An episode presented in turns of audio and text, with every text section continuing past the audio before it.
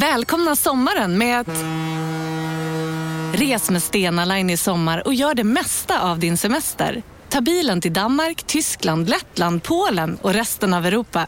Se alla våra destinationer och boka nu på stenaline.se. Välkommen ombord!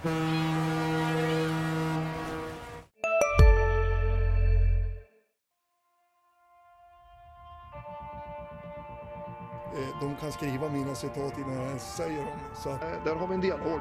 Vi, vi, vi har ambitionen att det ska vara klart eh, ganska snart. kommer man att se en mycket spännande fortsatt utveckling. Hur vi ska utveckla GIF Sundsvall. Det- Vi har en spännande utvecklingsresa. Mycket spännande utveckling.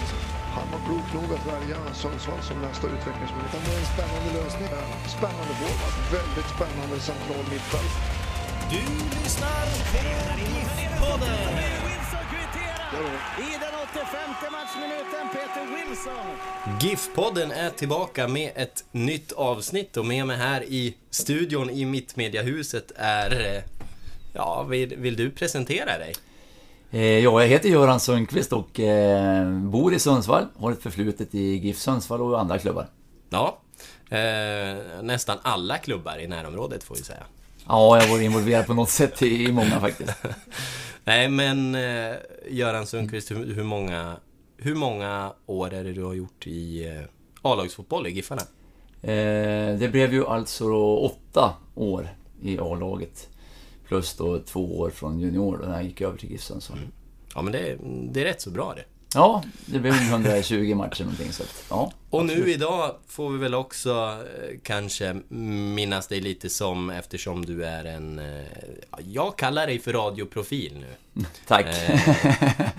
Bisittare till Höjby i eh, Radiosporten. ja, vi kör ju webbsändningarna på GIF Sundsvalls hemmamatcher så att det är otroligt intressant. Mm. Hur, eh, hur trillade du in där? Ja du, det är tio år sedan vi började. Då träffade jag Karl-Johan på IKEA, jag glömmer aldrig. Eh, kom han fram till mig och sa att eh, jag ska börja göra en grej nu med GIF Sundsvall. Vi ska köra något som heter webbsändning. Och vi ska sända matcherna live på, via radion. Och eh, jag skulle behöva någon som sitter bredvid mig och kan lite fotboll. För jag är lite smågrann på det själv, sa han. Så att, eh, jag skulle vilja att du var med. Kan vi fundera och så återkommer Och eh, jag tror jag bestämde mig direkt. Att vi kör. Det är inte, nej, det här, internet är bara en fluga. Ja. Det, där, det där ger jag mig nej, inte precis, in nej, nej, nej, det var faktiskt inte så. Jag kände mer att det här är ju otroligt roligt. Mm. Spännande. Och ja, en ny grej. Men då är du ju fortfarande en, en stor konsument av eh, Giffarna. Ja, jo, jag missar ju sällan Mm. match för GIF Sundsvall, det gör jag. Och var med eh, som en av de här... Eh, en, en av de gamla Giffarna som fick vara med och hylla laget här. Ja, förra veckan. 115-årsjubileet, Mm. precis. Vi, vi är ett antal som har gjort 100 matcher eller fler som fick äran att vara med. Och det är kul att gå in med de här stora killarna som är faktiskt väldigt duktiga idag, Mm. måste jag säga. Mm. Räknar du dig till, eh, till, till de där stora själv?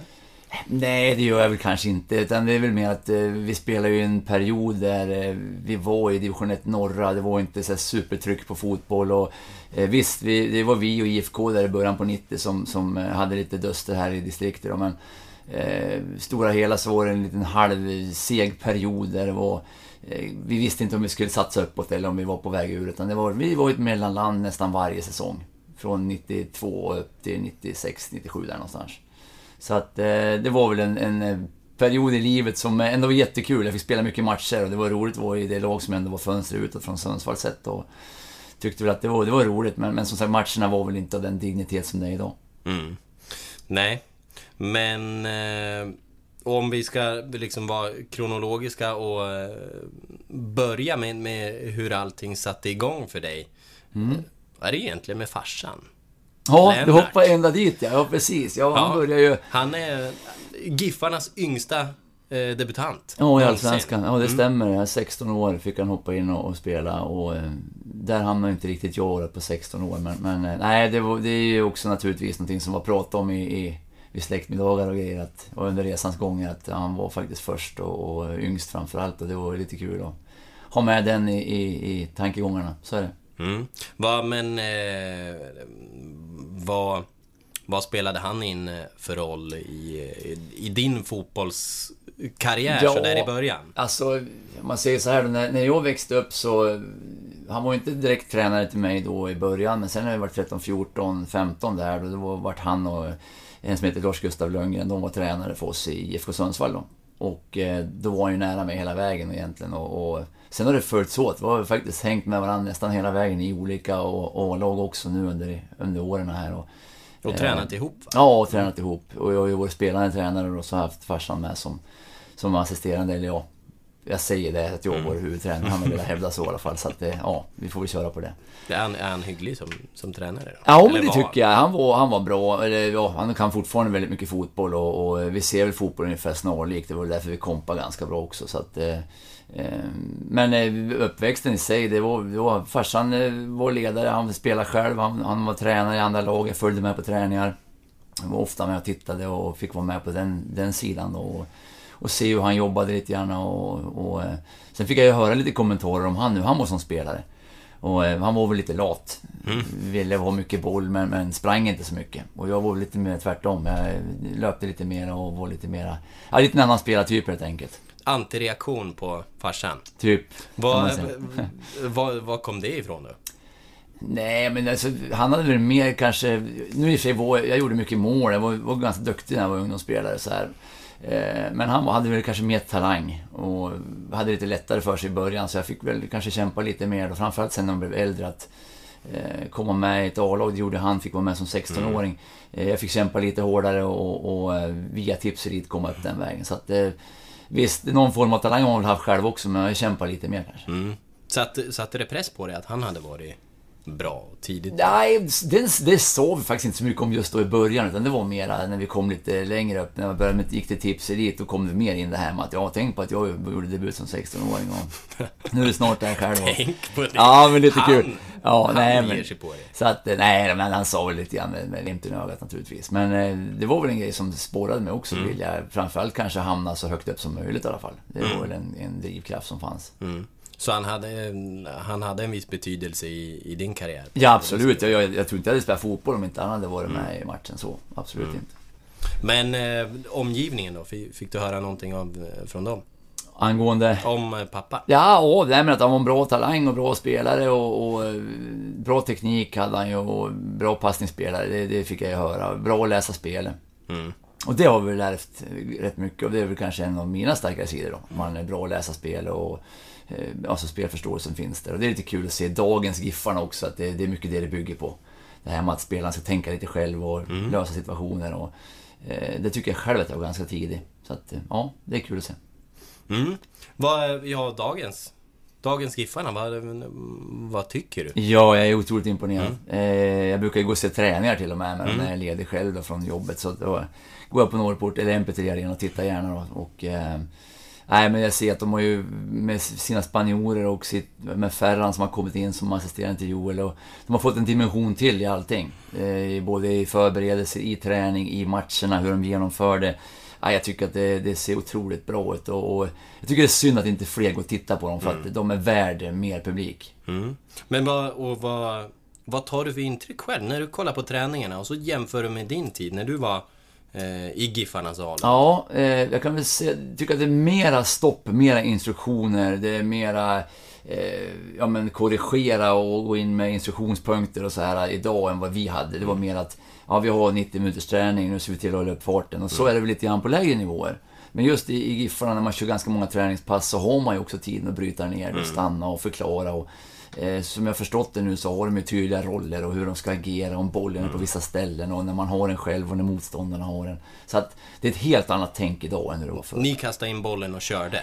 Det var lite mer så, nu ska jag, säga, ska jag inte förringa några av mina tränare som jag haft, jag tyckte de var duktiga, många av dem, men, men det har blivit en annan tid. Det, det, det känns som att, och, och de här är ju proffs, de, de tränar ju på dagtid och vi hade ju mera vanliga jobb och gick på träningen, så att det har förändrats där också. Så att, men eh, det, det ser väldigt bra ut med GIF Sundsvall idag. Mm. Eh, om, vi, om, om vi går tillbaka i kronologin så... Eh, du kom upp där i Tipselit och det här... Eh, det- det här tror jag du gärna nämner själv. Du gjorde 34 mål som mittback. Ja, det, Det är en ju kul- helt ja, sjukt. Det är lite kul att flyga med den ibland faktiskt. Men, men eh, ja. Hur fan gick det till? Om Eh, Jag man hade, får jag, hade, jag hade bra medspelare. De förstod när jag var på väg fram. Då stod de där som väggar och så fick jag tillbaka den. Och, nej, det var faktiskt många mål som gjorde så. Eh, Men du kan ju inte säga det, du kan inte säga det, eh, tillägna det liksom medspelare. Nej, visst. Nej, men jag hade, jag hade lite flyt och, och lyckades också. Då. Sen hade jag, jag slog lite frispark och jag fick lägga straffar. Så att jag hade väl lite där också, några extra mål då. Men eh, ganska många var spelmål. Och, och eh, byggde mycket på att jag, jag vågade kliva fram som mittback, ta de här metrarna extra och sen hittar man kompisar längre fram i banan och helt plötsligt var man igenom. Och, eh, rätt bra avsluta faktiskt. Det, det var väl någonting som har följt mig under åren också, att man har haft ett hyfsat tillslag. Det, det är jag ganska stolt över om jag får säga någonting själv. Är, om, om man får bryta ner det tillslaget då, vad är, vad, är- vad är knepet? Ja, bollträffen är kanske den, den viktigaste, att man hittar en bra och skön bollträff. Många tror att man ska ta i så mycket som möjligt när man ska skjuta eller slå en crossboll eller en, kortpassning. kort passning. Ska man liksom försöka, ja men nu ska jag slå till den ganska hårt, men ofta är det liksom att träffa bollen rätt. Eh, beroende på hur du ska göra, lite bakåtskruv eller sidskruv eller utsida. Det är, sånt får man träna på.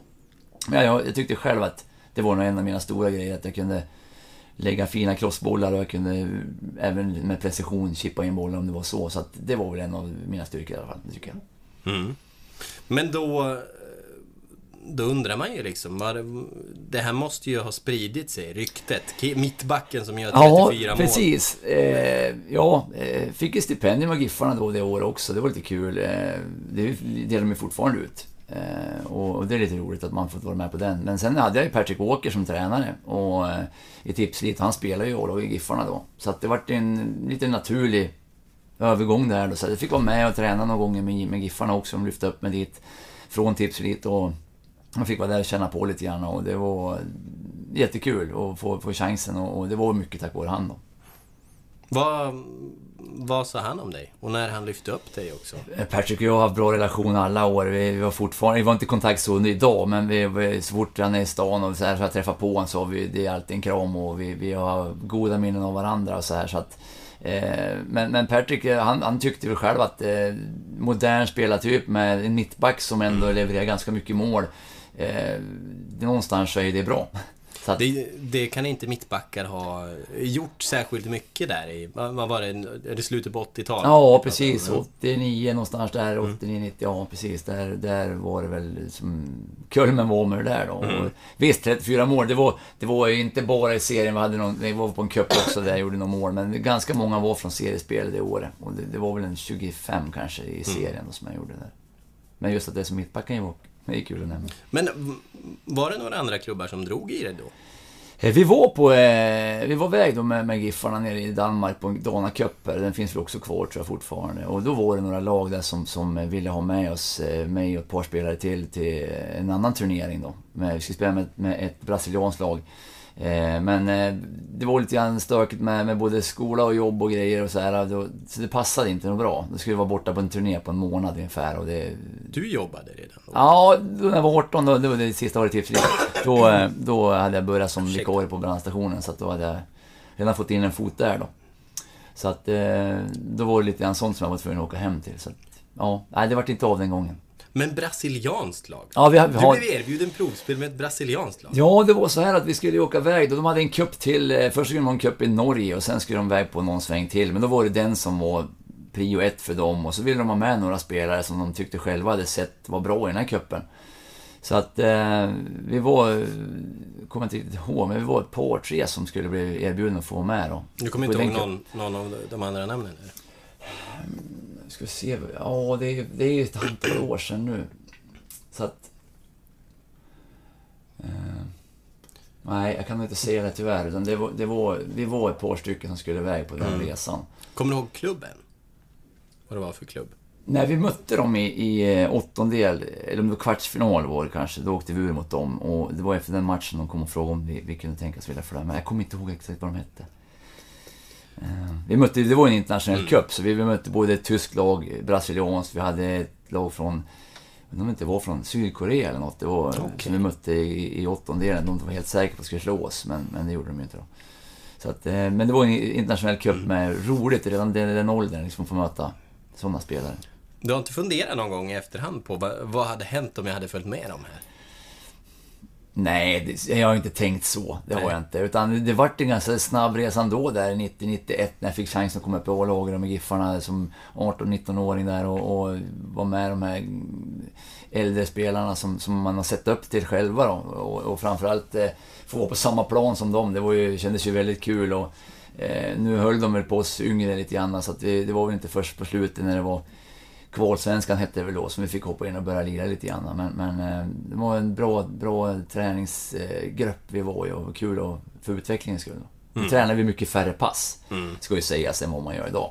Ja, hur, hur många pass kan det ha Ja, varit? men vi körde fyra pass i veckan då. Måndag, tisdag, torsdag, fredag. Onsdag ledigt. Och sen var det match då på helgen, träningsmatch eller seriematch då, beroende på hur det såg ut. Men det var ju betydligt färre. Eh, vi var på läger, precis som idag, men, men eh, det var inte på, på samma sätt det här med som vi sa om träningstider och upplägg och... Det var inte samma instruktioner och sådär, utan det var mera kör. Och... ehm, ja, just det. Då, då ehm, med förutsättningarna där så tänker jag... Det, det, det påminner ju lite om, eh, kanske lite om dagens division 3 då. Som jag har idag själv, ja precis, i Sund IF. Ja, vi, vi tränar ju tre gånger i veckan. Vi försöker ha tre pass, men, men de flesta kan två. Eh, på grund av jobb och, och lite skolor och sådär. Så att, eh, men vi har sagt, vi kör tre pass. Och de som är där, de får tre bra pass den veckan. Och de som kör två får två. Så att, vi var inne på att vi ska köra två pass bara. Men då tycker vi att missar man ena, då är ett pass alldeles för lite. Och idag är man inte lika på att köra själv, tyvärr. Eh, jag skulle önska att det var lite, mera, lite mer driv så att man, man kanske försöker ta kliv själv utanför träningsgruppen och köra lite eget. Gym är en sak, men att man kanske är ute och löper lite grann och bättrar på lungor och hjärta, det tycker jag också borde vara med i ens individs huvud då. Mm. Varför, varför tror du att det inte är så?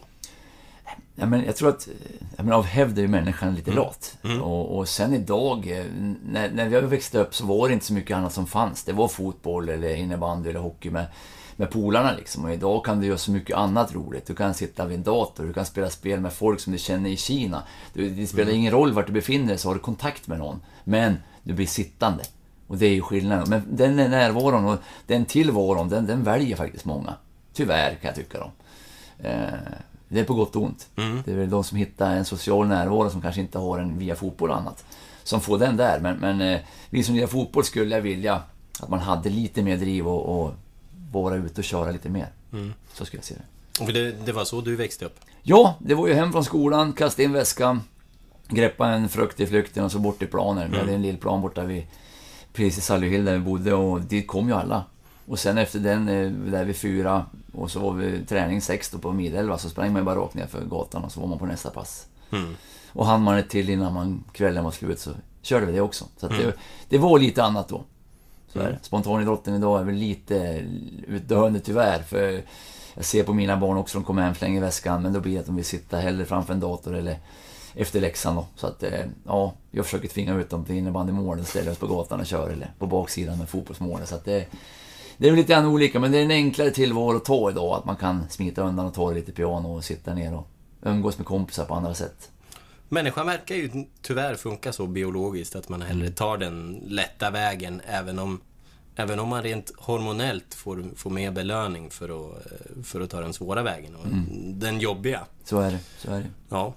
Men eh, när du kom upp där i A-laget, det var ju också speciell tid. Vi spelade som Gunnar Samuelsson, Åke Andersson, Håkan Holmström och Leif Forsberg. Ja, precis. Vad, hur var den miljön att, att komma upp i?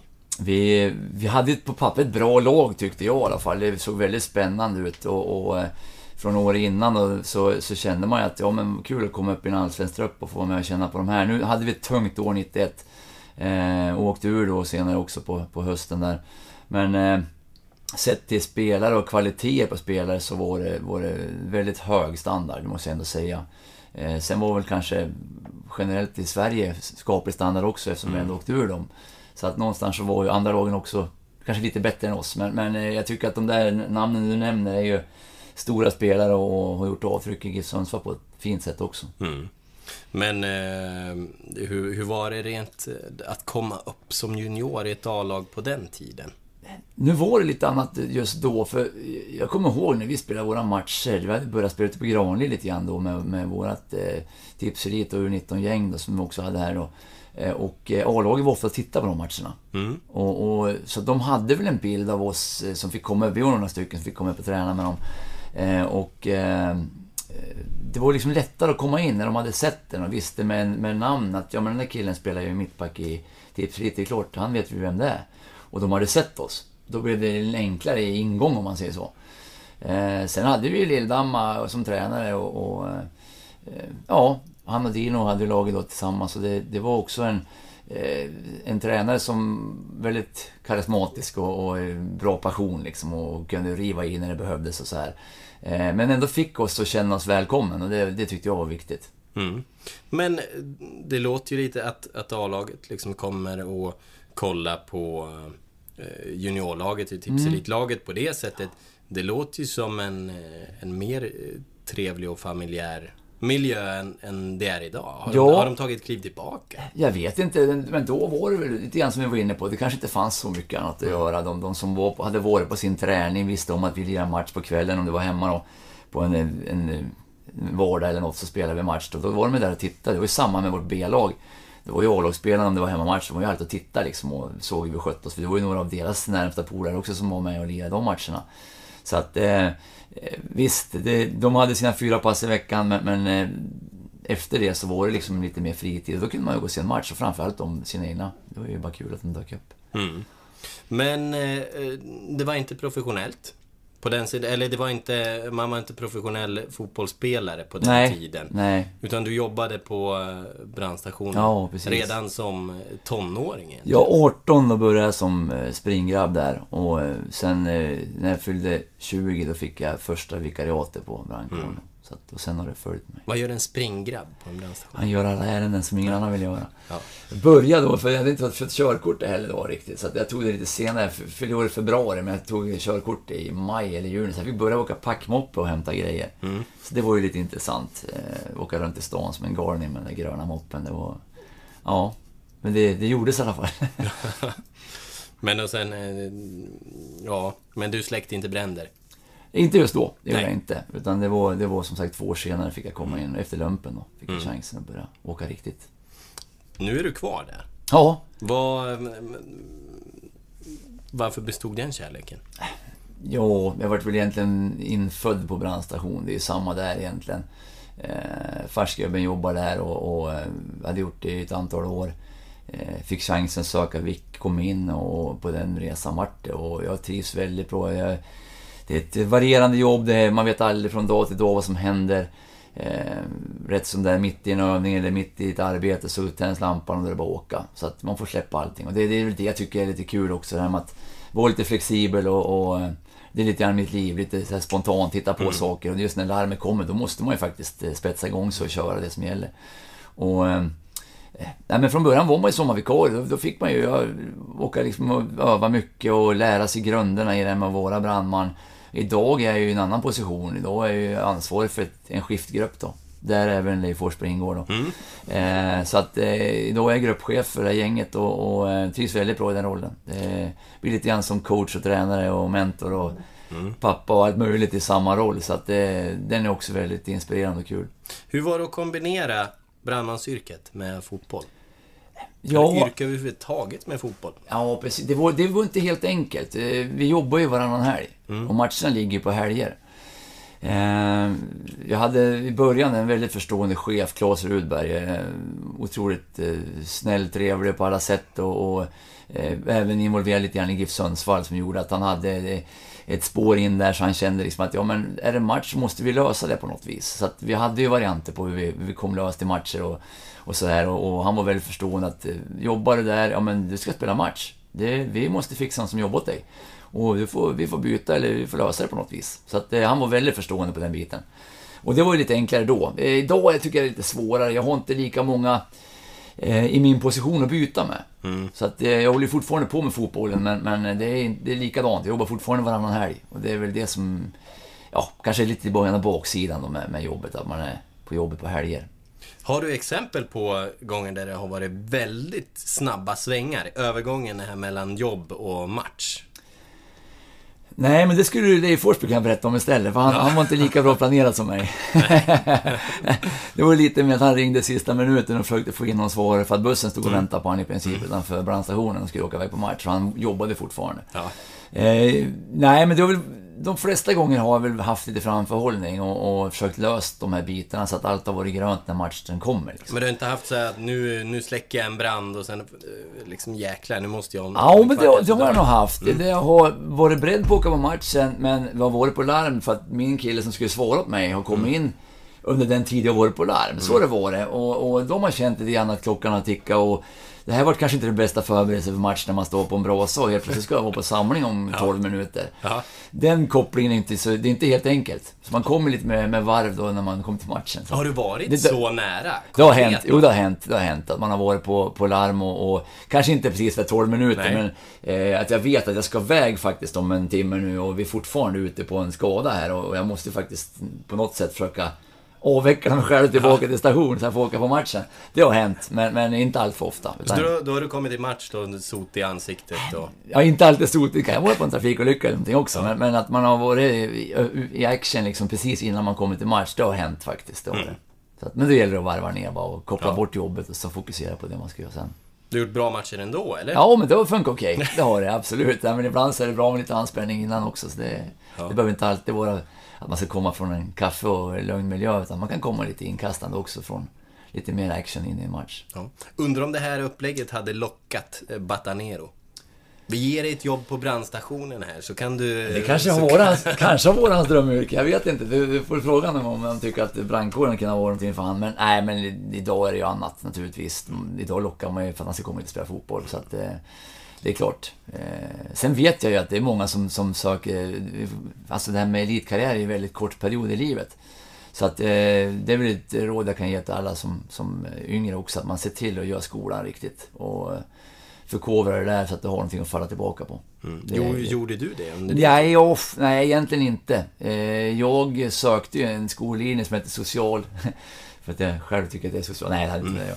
Men eh, tvåårig linje bara för fotbollsgymnasiets skull. Jag ville satsa på fotboll. Det var det som var det viktiga. Så jag gick fotbollsgym, tränade tre gånger på skoltid.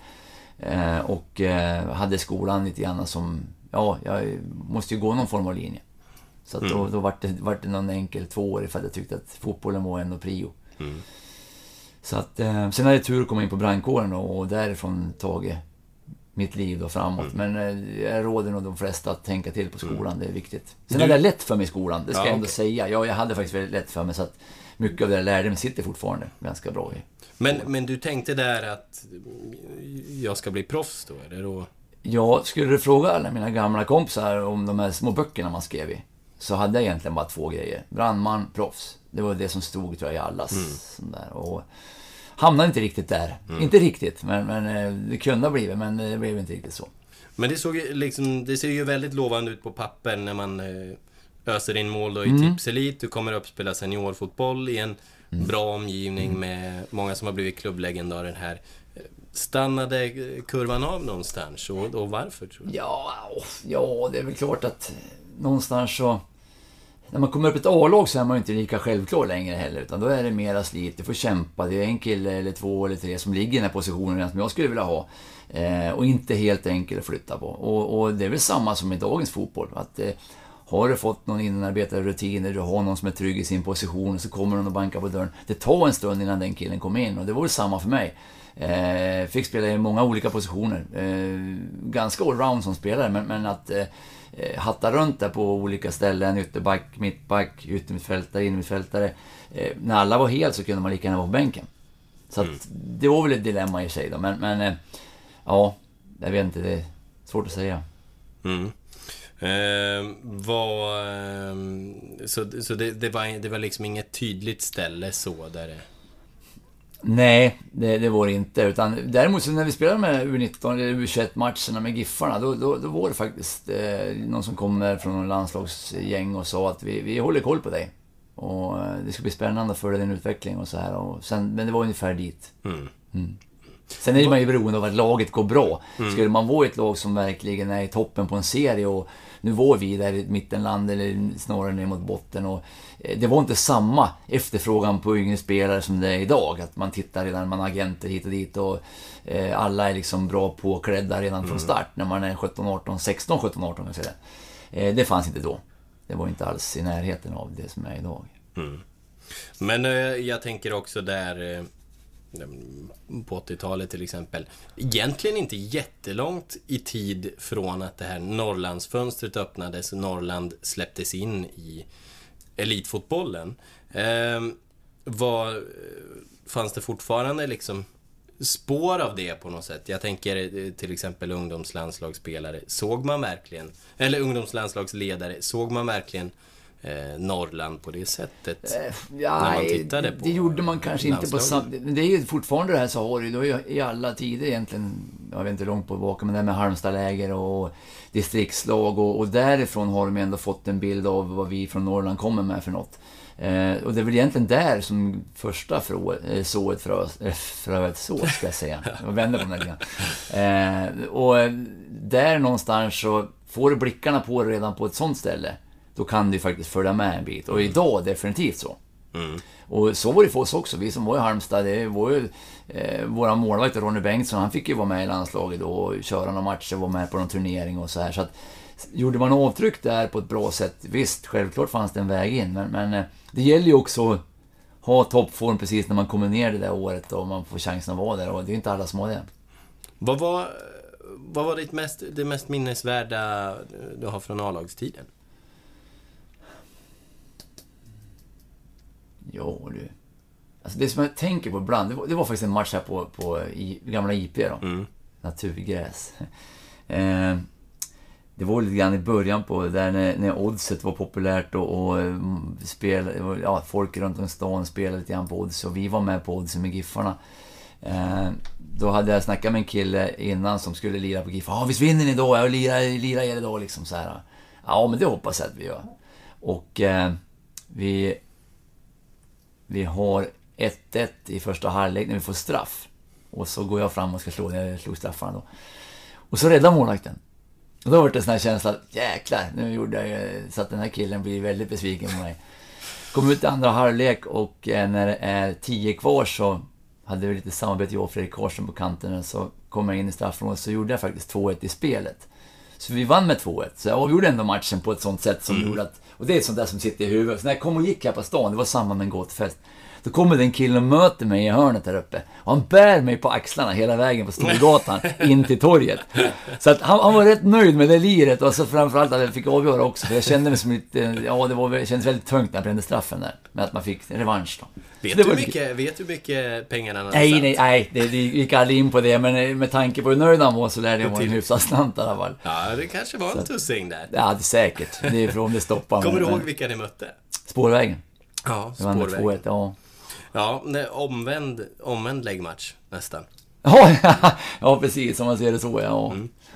Ja, men vad... vad eh, annars de här, de här spelarna som man, som man såg upp till då. Vilken var det främst du såg upp till själv förresten? När jag kom fram mm. i... Mm.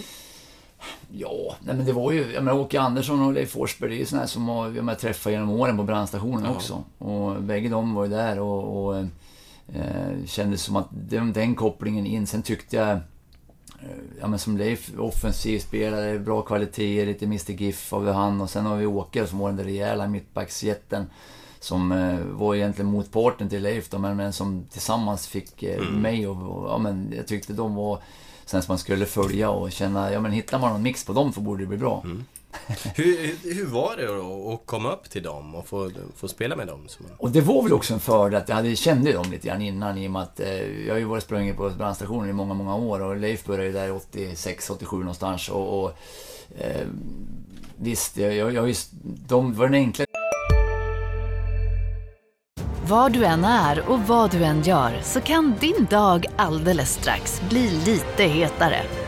För nu är Spicy Chicken McNuggets äntligen tillbaka på McDonalds. En riktigt het comeback för alla som har längtat. Hej, Synoptik här. Så här års är det extra viktigt att du skyddar dina ögon mot solens skadliga strålar. Därför får du just nu 50% på ett par solglasögon i din styrka när du köper glasögon hos oss på Synoptik. Boka tid och läs mer på synoptik.se. Välkommen! Ingång för mig i och med att eh, jag kände dem och, och, några till som också jag såg upp till. Jag, jag tycker några spelare som kanske inte nämner så mycket, men, men som Dick Lidman till exempel. En mm. fantastisk forward. Världens snällaste liksom och, och ödmjuk på alla sätt. Tog hand om oss yngre också på ett jättebra sätt. Eh, Håkan Holmström, bor i stan, eh, jättefin kille. Eh, många av de här som, som har varit i, i föreningen, Mats Olsson, den store Mats Olsson liksom. Han, han var ju också med där och träffade på honom ibland och hejade och så här. Jag var också med på den här 115-årsgrejen. Så det är många av de här, de som man kommer upp till och som man, man ser upp till och har sett upp till. Så det, det har varit en skön ingång för mig att veta att de ändå, och framförallt var de från stan de flesta. Mm. Det var ju också en skön grej att idag är det lite grann annorlunda. Man var nästan lite orolig att GIF-själen skulle försvinna med alla som slutade som hade anknytning till stan. Men den lever absolut vidare i hög grad. Så att, mm. Mm. Och eh, på din tid, och du, du växte ju upp när det fortfarande var en eh, rivalitet mellan Giffarna och IFK. Ja, absolut. Och det vart ju inte bättre att jag gick från IFK till Giffarna heller. När, Nej, hur var det? Ja, det var så här att eh, jag fick ett samtal från GIF Sundsvall om att de skulle starta något som heter en U19-verksamhet. Eh, där också sedermera Tips Elit växte fram. Mm. Eh, och, eh, det, det fanns en, inte då? Nej, och IFK hade inte heller det. Men eh, då lockade de över mig och en kille som heter Thomas Larsson, också väldigt duktig bokvårdare här i stan. Pajade knä tyvärr, han kunde ha blivit riktigt bra. Eh, och eh, lockade över oss till Giffarna och vi, vi sa att vi kör, det blir roligt att gå dit. Och eh, några månader senare så startade också IFK ett U19 mm. Eh, och då hade man ju lika gärna kunnat vara kvar tyckte man då. För IFK var ju också i division 1 och samma serie som, som eh, Giffarna. Men eh, vi hamnade där och, och, de här matcherna kring 92, 93, 94, det, ja, det var ju några härliga duster och eh, fantastiska matcher och för publiken också få se det. Och vi, vi sprang ju på varandra på gatan lite titt som Det är lite grann som Stockholm man gör idag mm. liksom med, med alla derbyn som är där nere. Så att visst, det var, det var en rivalitet men ändå en... Ja, när det var match då självklart, då, då var det inte så att man var kompis med många men, men efteråt så var det inga större bekymmer. Vad fick du höra när du gjorde klivet då? Ja, egentligen så, det vart nog inte så mycket surr tror jag. Det var, det var väl mer att eh, IFK naturligtvis hade väl verkat haft kvar mig, det, det tror jag är säkert. Men, men eh, jag kommer inte riktigt ihåg hur surret gick där. Men, men Giffarna var väldigt på om och, och ville få över mig och, som sagt Thomas här. Mm. Och eh, det blev väl också där att ja, men man snackade lite grann hemma och Giffarna inte kom på tal. Mm. Då vart det lite, ja men Giffarna, det är klart du ska gå till Giffarna, sa väl farsan också. Så att, Även fast han var IFK själv då. Mm. Men han avrundade också sin ledarbana där i IFK just det året när vi slutade P16. Så att eh, det vart en naturlig övergång på något vis ändå. Det kändes så. Du var inte för mycket IFK-are? Nej, eh, jag började ju i Klubb Verdandi egentligen på mm. Midelva där då, så att eh, sen vart det IFK när vi började skolan lite mer och träffade andra kompisar och så här, så att det var ett mer modernt lag tyckte vi väl också att IFK Sundsvall klingade bra. Det var mm. rätt, ja. Allsvenskan på den tiden. Mm. Men eh, Klubb Verdandi förresten, mm. ändå kommer på tal, en sån här småklubb som har försvunnit. Men jag, jag, vet inte hur, hur det var då, men Verdandi, det kommer det från någon nykterhetsrörelse? Ja, ja precis. Det stämmer bra det. Eh, de hade ju flera idrotter igång. Eh, startade även igång fotbollen då. Och fick med oss de som gick på Sankt Olof där och några från Nacksta också som hamnade på i Verdandi och, och eh, fanns några eldsjälar där som jobbade väldigt hårt för att få den föreningen att fungera och vi hade jättekul. Det var fantastiska ledare och bra, bra runt omkring och, och vi spelare trivdes väldigt bra. Vi var ju nära från Sankt Olof till Midälvaplanen och till klubbhuset som var precis på ovanför Sarriusvägen. Mm. Så att eh, redan där hade de en klubblokal och det var lite kul att ha mm. någonting att gå till. Mm. Vad, eh, hur funkade det att, att de är grundade på liksom på det sättet, som en, som en nykterhetsförening? Det tänkte man inte på då. Man det var ingen, ingenting då, nej, utan det var bara fotboll? Ja, fotboll ja. och vi körde även lite bordtennis. Ja. Eh, eller pingis som man säger.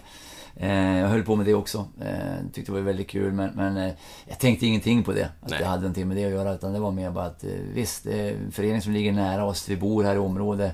Naturligt att spela där. Mm. Så att, ja. Mm. Vad, men... Eh IFK där och eh, rivaliteten. Idag är det ju väldigt speciellt. Åh, Nu det, åkte ju- är det jättetråkigt. IFK, ska vi säga för den, den som kanske har missat det, åkte ur division 4 och det var första gången sedan 1960 Ja, är... som, de, som de åker ur. Otroligt tråkigt och, och eh, visst, vi, vi har också haft en inverkan i det i och med att vi som i söndag har haft ett samarbete med IFK och Eh, haft några spelare som har spelat med dem under hela säsongen här och, och eh, är olika då, men, men ändå det väl försökt hjälpa dem. Men, men eh, tyvärr så lyckades vi inte och det, det är naturligtvis jättetungt och, och tråkigt framförallt för det känns som att IFK ska inte behöva gå längre ner än division 4, absolut inte.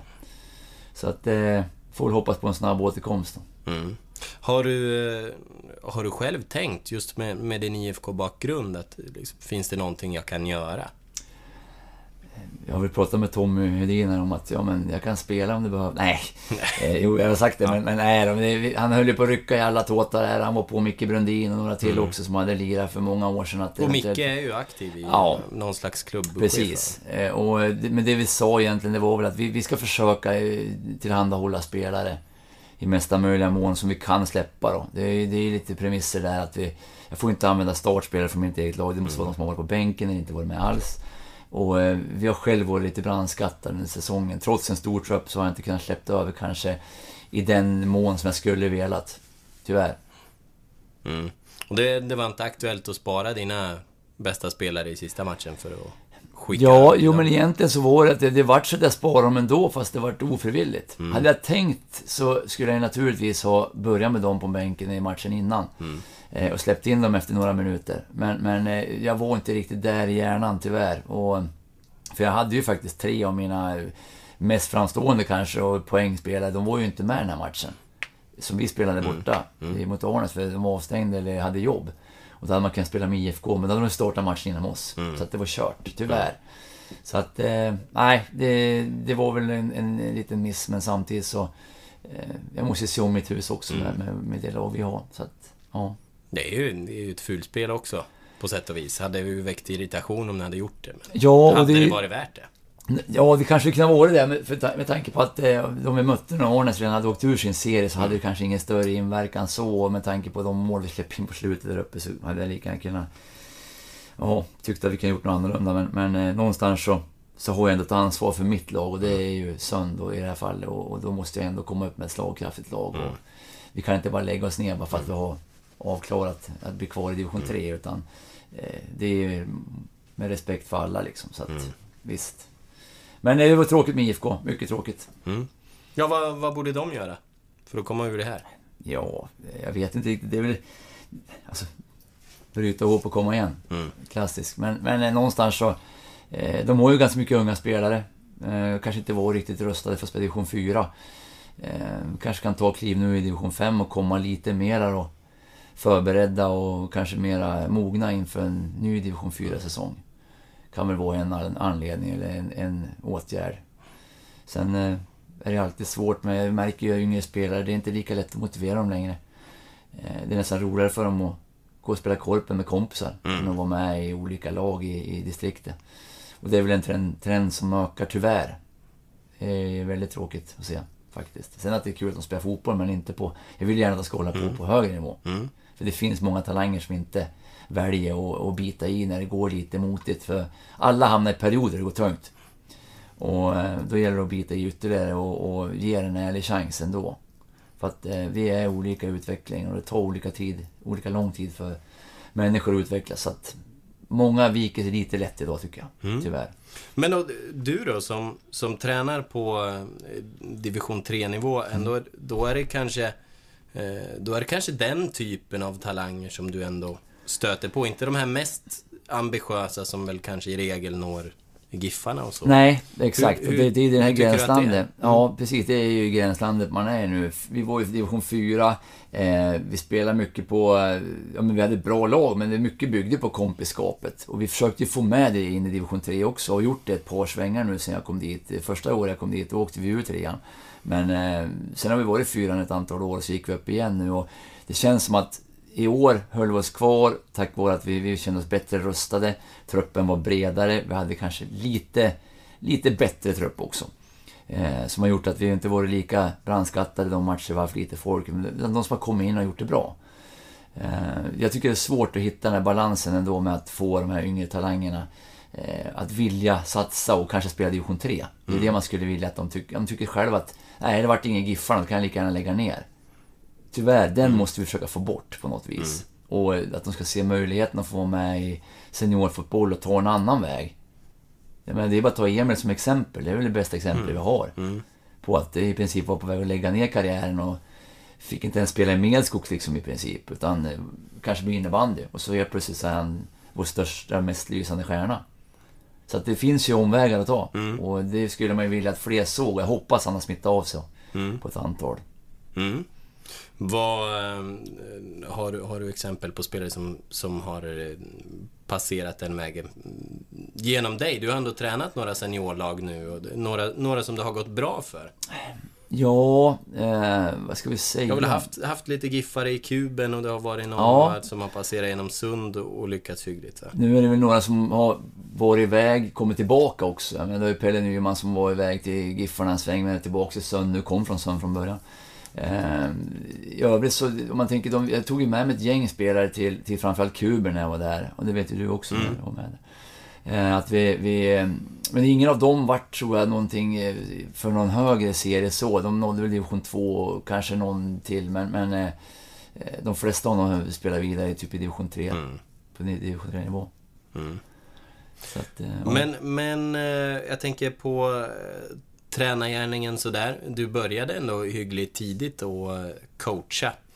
Vad, eh, har, har du liksom tänkt på, på att satsa på det och ta det högre? Eller hur, hur tänker du kring tränargärningen? Ja, det är, alltså jag, jag har ju ett brinnande intresse för det här med tränarskap. Jag tycker det här med ledarskap är stort och det är intressant. Och de frågor och funderingar som dyker upp i och med det här med att snacka ledarskap och coaching och, och även nu att vara chef då, så, så det är mycket sånt man, man funderar kring och, och i vardagen. Och visst, jag, jag har väl haft en tanke eventuellt om det dyker upp rätt att man får fundera i alla fall på att ska man kanske för det är ändå jobbet någonstans. Man har ett jobb som är lite klurigt att kombinera.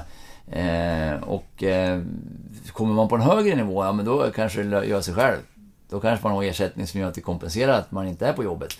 Men eh, som det är idag så, så är det nog svårt. Det är väl eh, max division 2 man skulle kunna göra någon variant med och, och i så fall kombinera med arbetet. Men annars så är det nog eh, en högre nivå där det krävs så mycket mer med utbildningar och, och kurser och hit och dit för att liksom hamna i ett ännu högre forum och, och där är inte jag riktigt än.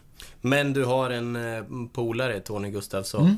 som har lyckats hyggligt. Och, men han är väl fortfarande i USAs landslag i, i, i någon ledarroll? Ja, han är involverad i någon roll där, ja precis. Nej, det var ju också en, en rolig Och var i resa. Hammarby och Tyresö och så kan vi nämna. Ja, precis. Och var i Ytterhogdal då. Och IFK här hemma innan.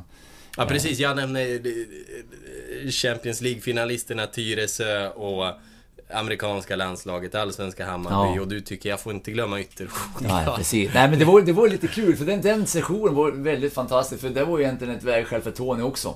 Eh, var ett lag som var i princip ur serien som tränare. Det, det är inte så lätt och I dåvarande division 3, va? Ja, i dåvarande division 3.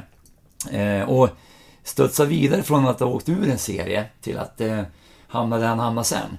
Det hade inte varit lika lätt som att vi lyckades hålla oss kvar det året och, och därifrån ha två bra säsonger till i Ytterhogdal som gör att han eh, satte sitt avtryck i Sverige då. Och hamnade sen i Hammarby och, och sen har han en otrolig resa. Men och han, är, han är också en sån här, eller också ska jag inte säga, men han är en väldigt passionerad eh, ledare och tränare och eh, kanske hade lite mera brinnande drivkraft än vad jag, just med, med tanke på det. Och han, han var ju där nere i Ytterhogdal och, och satt där på kammaren och funderade mycket på fotboll och jag jobbar och, och tänker även på andra saker än bara fotboll.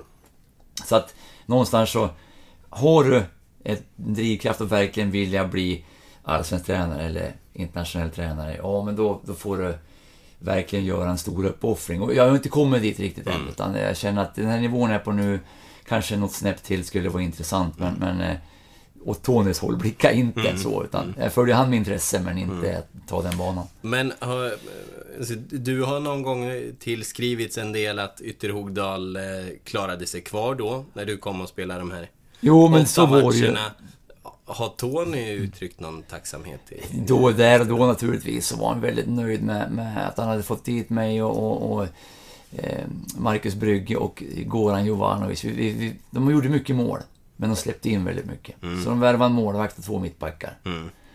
Och gick från två segrar och ett kryss på våren till åtta segrar och ett kryss på hösten. På de här sista matcherna. Så att, eh, visst, de, de, han drog i rätt tåtar, han fick ner rätt spelare. Han, han har tackat efteråt och tyckte att det var väldigt kul att vi, vi kunde lyckas och hålla oss kvar och någonstans så, det är som jag säger, åkte ur där och kanske började fundera på sin egen karriär istället för kanske kontra bara både med familj och hitta ett vanligt jobb till att han är där idag. Visst, det har säkert en liten inverkan. Men han kanske inte har kommit och sagt att du är den största orsaken. Utan visst, det var, det var ändå en påverkan att vi, vi lyckades där och det, det var man ju med på i alla fall.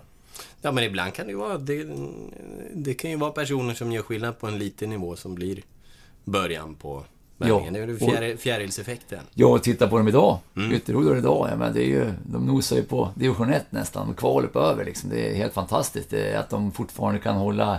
Nu snackar vi ändå, det här är 2001, 2002, 2003 vi pratar. Eh, och nu är vi 15 år fram och de är fortfarande och nosar på en division 1. Nu är de högre än någonsin liksom. Så att, Nej, de har gjort otroligt bra i den lilla byn där nere och, och eh, Leffe Nilsson och kompani där nere har gjort ett jättejobb med föreningen i stort. Liksom. Du har, du har bra koll på dem fortfarande? Ja, men det har jag. Jag följer dem. Jag tycker att det är kul med, lag som man ändå varit involverad lite grann i själv. Så är det kul att följa. Och, sen har de ju byggt mycket på utländska spelare och, och man har ju sagt att det håller till en viss gräns. Men i Ytterhogdals fall verkar det ju ha hållit i många, många år. Så att, ja, de verkar göra någonting rätt i alla fall. Mm. Vad, vad minns du av Tony då, då som tränare? Eh, positiva, negativa? Nej, men han var, han var positiv och, och, och, och så här och väldigt drivande, det var han. Eh, ville kanske mera med, med gruppen än vad, vad många förstod. Eh, han var på en nivå, han, alltså man tänker fotboll och hur han skulle vilja att det såg ut jämfört med de som var där som kanske mera var att vi ska träna, vi ska spela 90 minuter plus tillägg och sen vi kämpar.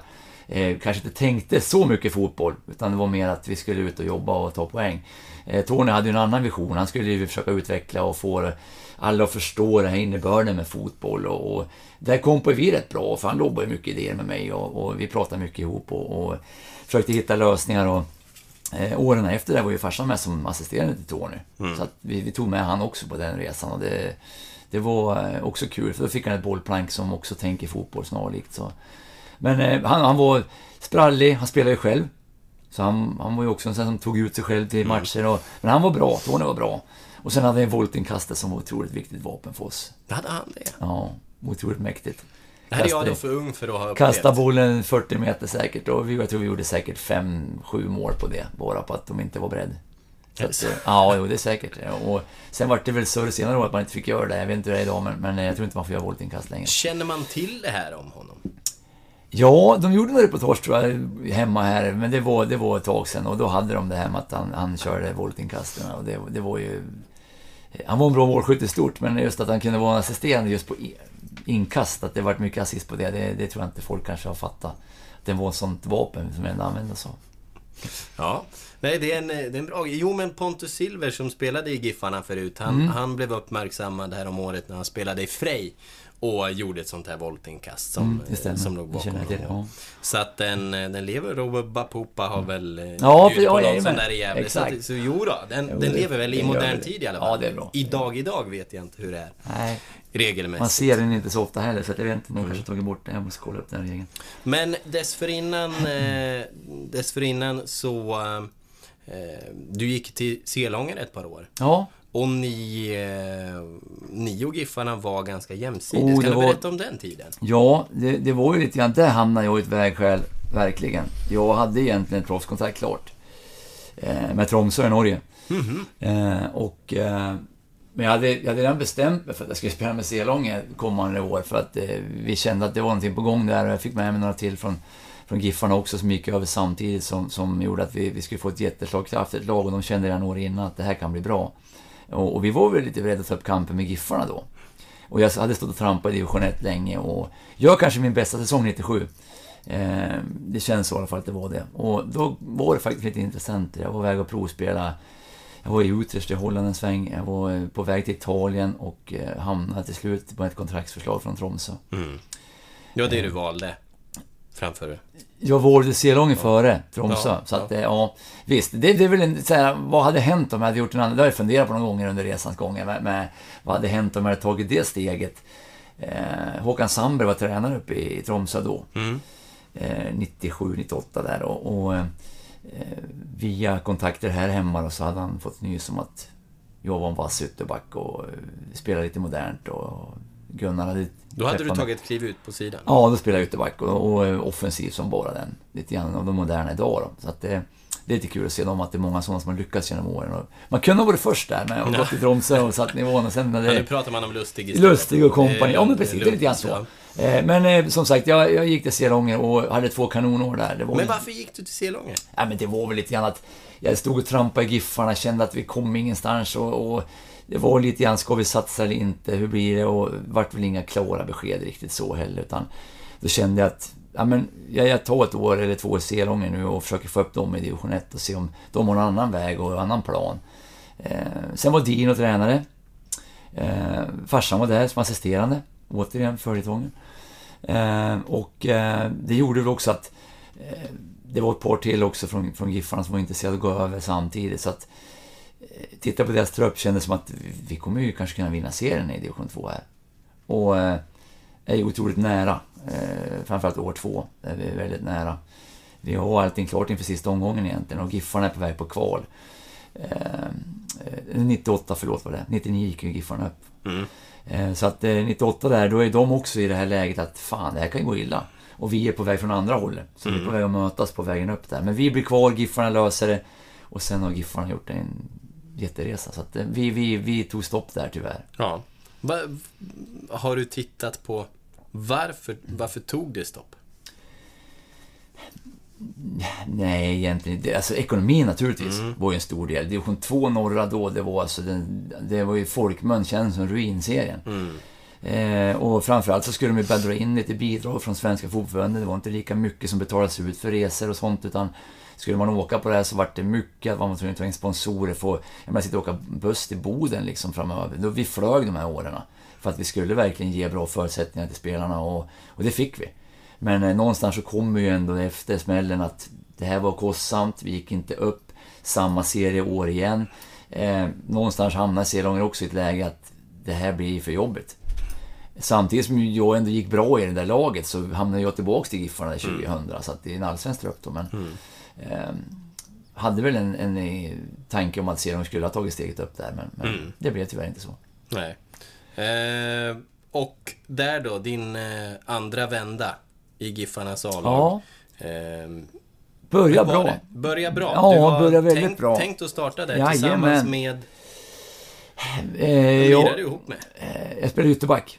Ja, du var Det var ytterback. ytterback det, då. just det. Jag kom tillbaka som ytterback då. Ytterback. Jag spelade mittback i Selången, men, men då var det ytterback som jag siktade in mig på igen. Och det var ju det jag avslutade i Giffarna också. Så att det kändes som att den, den eh, öppningen fanns där. Och eh, det gick jättebra. Det gick bra på läger och träningsmatcher innan. gick också bra. Sen gick, drog jag sönder bukmuskeln.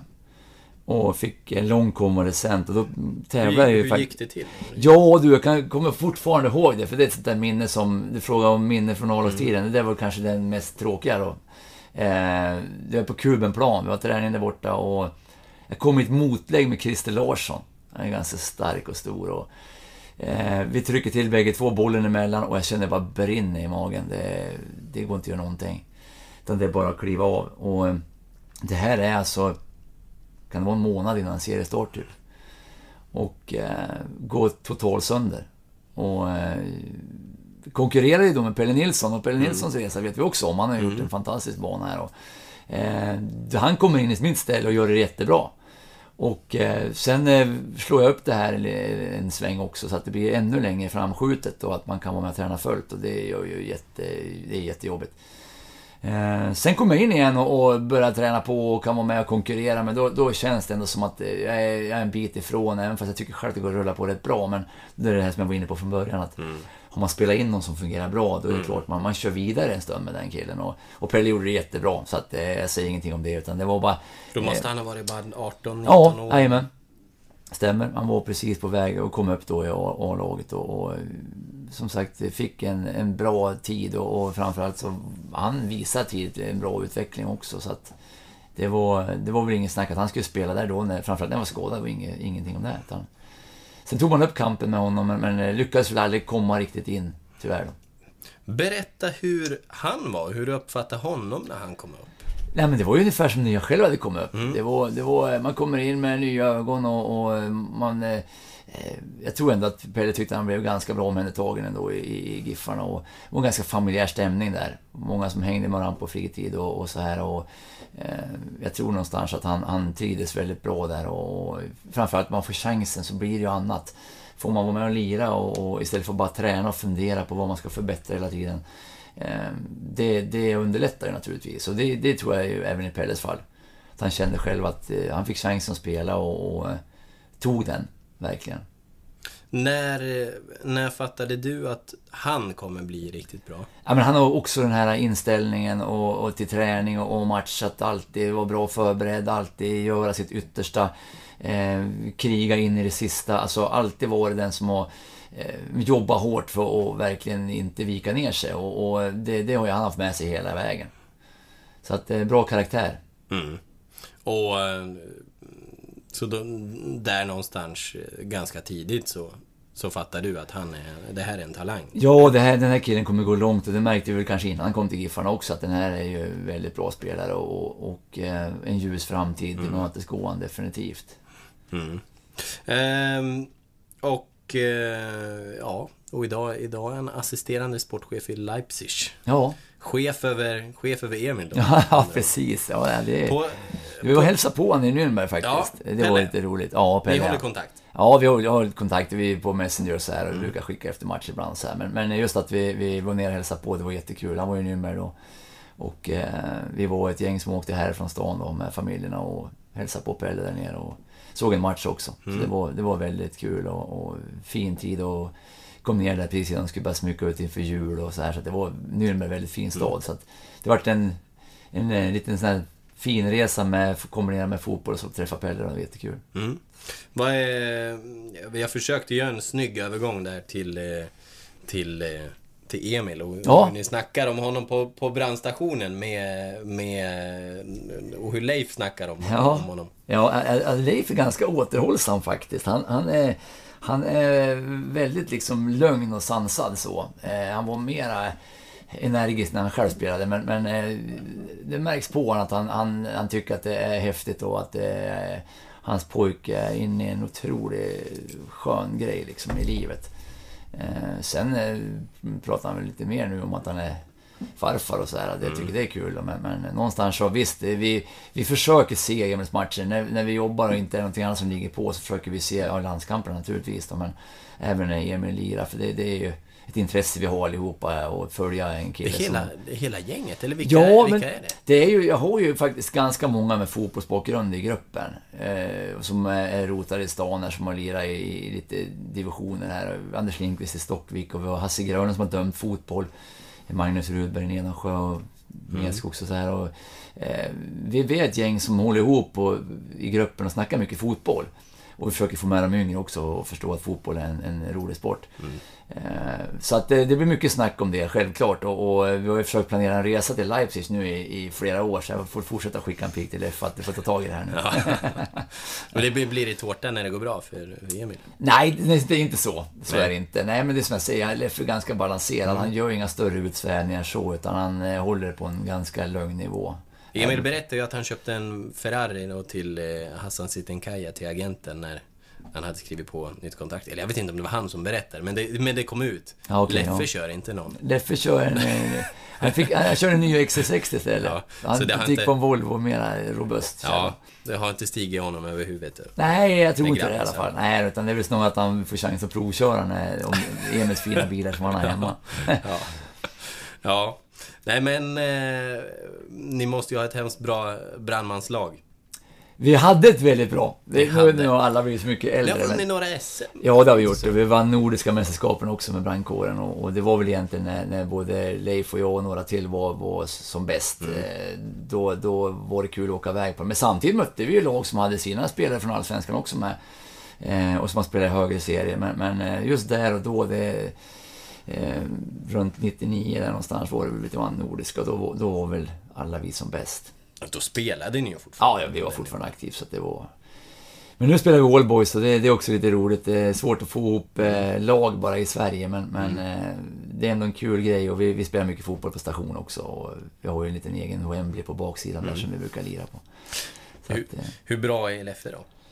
Ja, han, är, han har fortfarande skaplig teknik. Jag har lite ont i sina knän och, och lite ont lite här och där. Och sen, sen är det samma där, han väger inte heller 75 längre utan det är väl eh, något kilo extra som har landat på, på fel ställe om man säger så. Mm. Men, men eh, tränar på ändå och det gör ju de flesta av oss. Vi, vi är bra tränade de flesta. Men, men som sagt, eh, det här med speed och, och, grejer finns inte kvar på samma sätt när man är 50 plus liksom. Det, det är klart.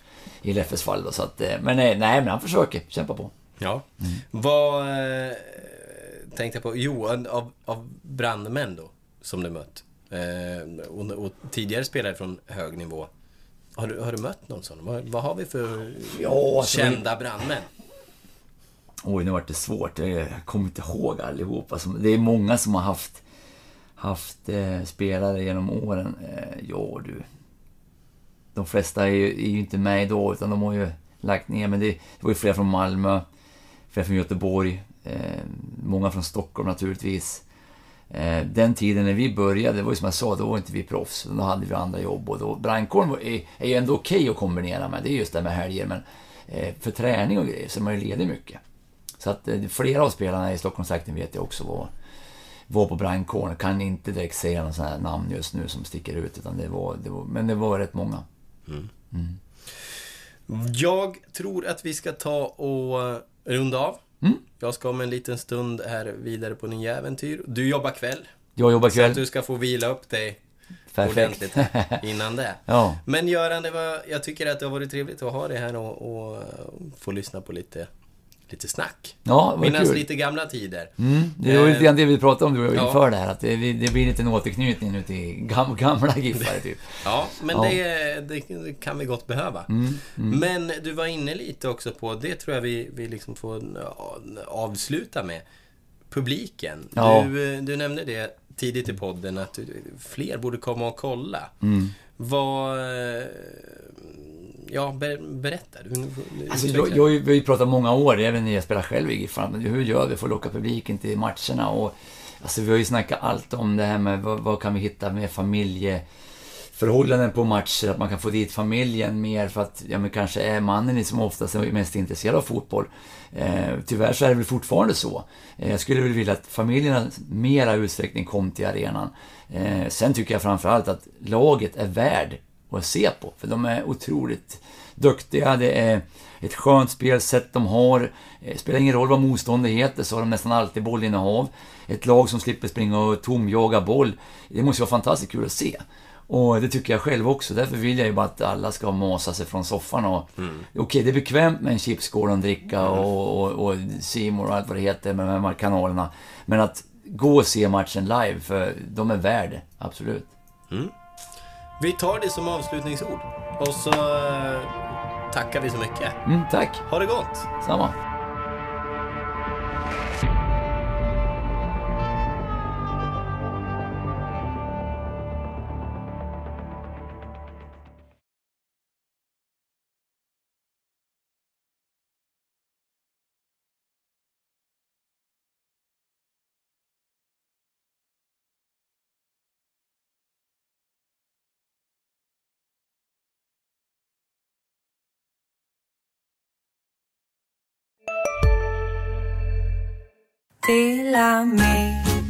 Hej! Är du en av dem som tycker om att dela saker med andra? Då kommer dina öron att gilla det här. Hos Telenor kan man dela mobilabonnemang. Ju fler ni är, desto billigare blir det. Skaffa Telenor familj med upp till sju extra användare. Välkommen till någon av Telenors butiker eller telenor.se. Det där var för att uppmärksamma er på att McDonalds nu ger fina deals i sin app till alla som slänger sin takeaway förpackning på rätt ställe. Även om skräpet kommer från andra snabbmatsrestauranger som exempelvis Ma... Eller till exempel Burger